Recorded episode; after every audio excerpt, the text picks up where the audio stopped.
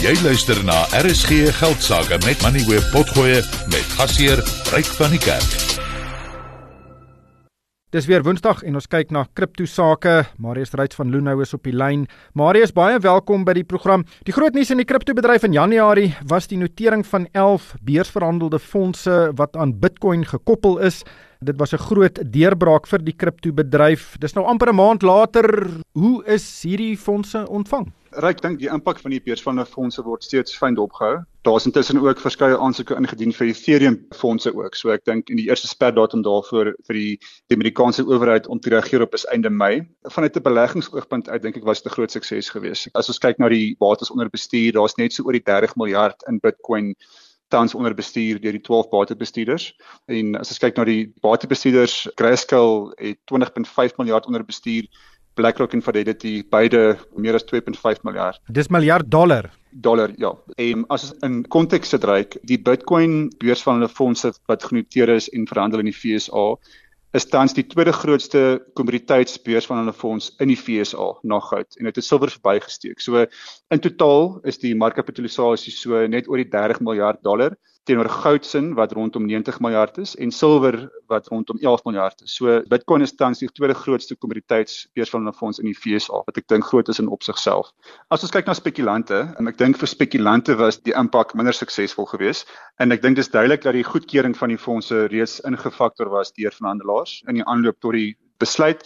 Ek dink dit wys in Bitcoin se loopie van die afgelope 12 maande. Bitcoin het 88% groei getoon in die laaste 12 maande.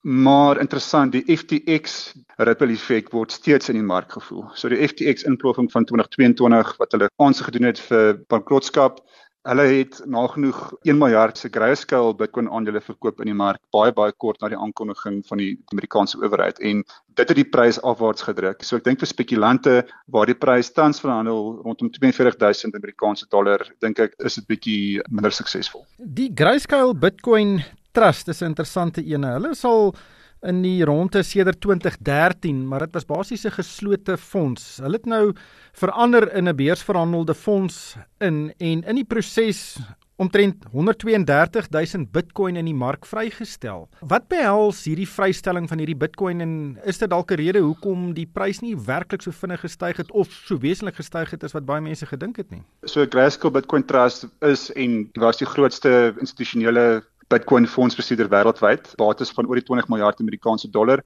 Hulle bied ook soortgelyke trusts vir ander kriptogeldeenhede, maar Bitcoin was die grootste. Hulle het aansoek ingedien. Hulle was die katalis gewees vir die goedkeuring van die SEC se ETF aansoek. So Grayscale se Bitcoin Trust was toe omskep of omgeskakel in 'n ETF wat beteken dat dit baie meer toeganklik vir die publiek. Die aandele in die ETF kan verhandel word daagliks. Wat toe gebeur het is die FTX kon toe nog genoeg 1 miljard dollar se Bitcoin aandele wat hulle in trust gehou het verkoop op die mark. Ek vermoed nog 'n impak was gewees dat die Grayscale Bitcoin Trust se fooie is omtrent 1.5% en dit is baie hoog in vergelyking met BlackRock, Fidelity wie se fooie rondom 0.3 tot 0.8% is. So ek vermoed ook daar was aandeelhouers in die Grayscale Bitcoin Trust wat hulle fondse oorgeskuif het na goedkoper fondse toe.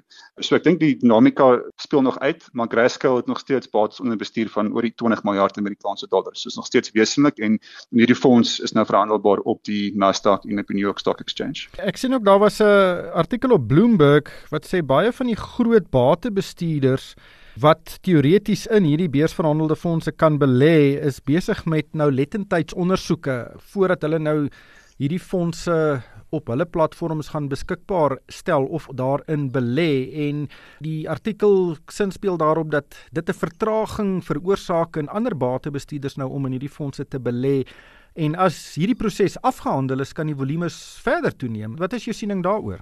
Ja, ek dink die huidige fondse onder bestuur is grootendeels kleinhandelbeleggings. So daar's ek dink 'n baie klein persentasie van dit wat geallokeer kan word aan besighede, genoteerde maatskappye en institusionele beleggers. Dit sal nog 'n tydjie duur dink ek voor groot batebestuurders fondse gaan allokeer aan hierdie beurs van 'n fonds. Ek dink dit is nog baie baie gou na die aankondiging ek dink die platforms moet eers deur hulle verskeie ondersoeke gaan. So tyd sal leer.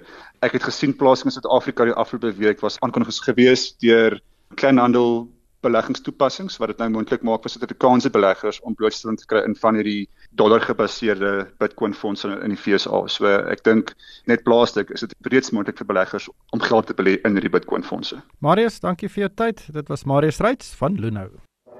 Jy het geluister na RSG Geldsaake met Money where potgoe elke weeksdag om 7 na middag.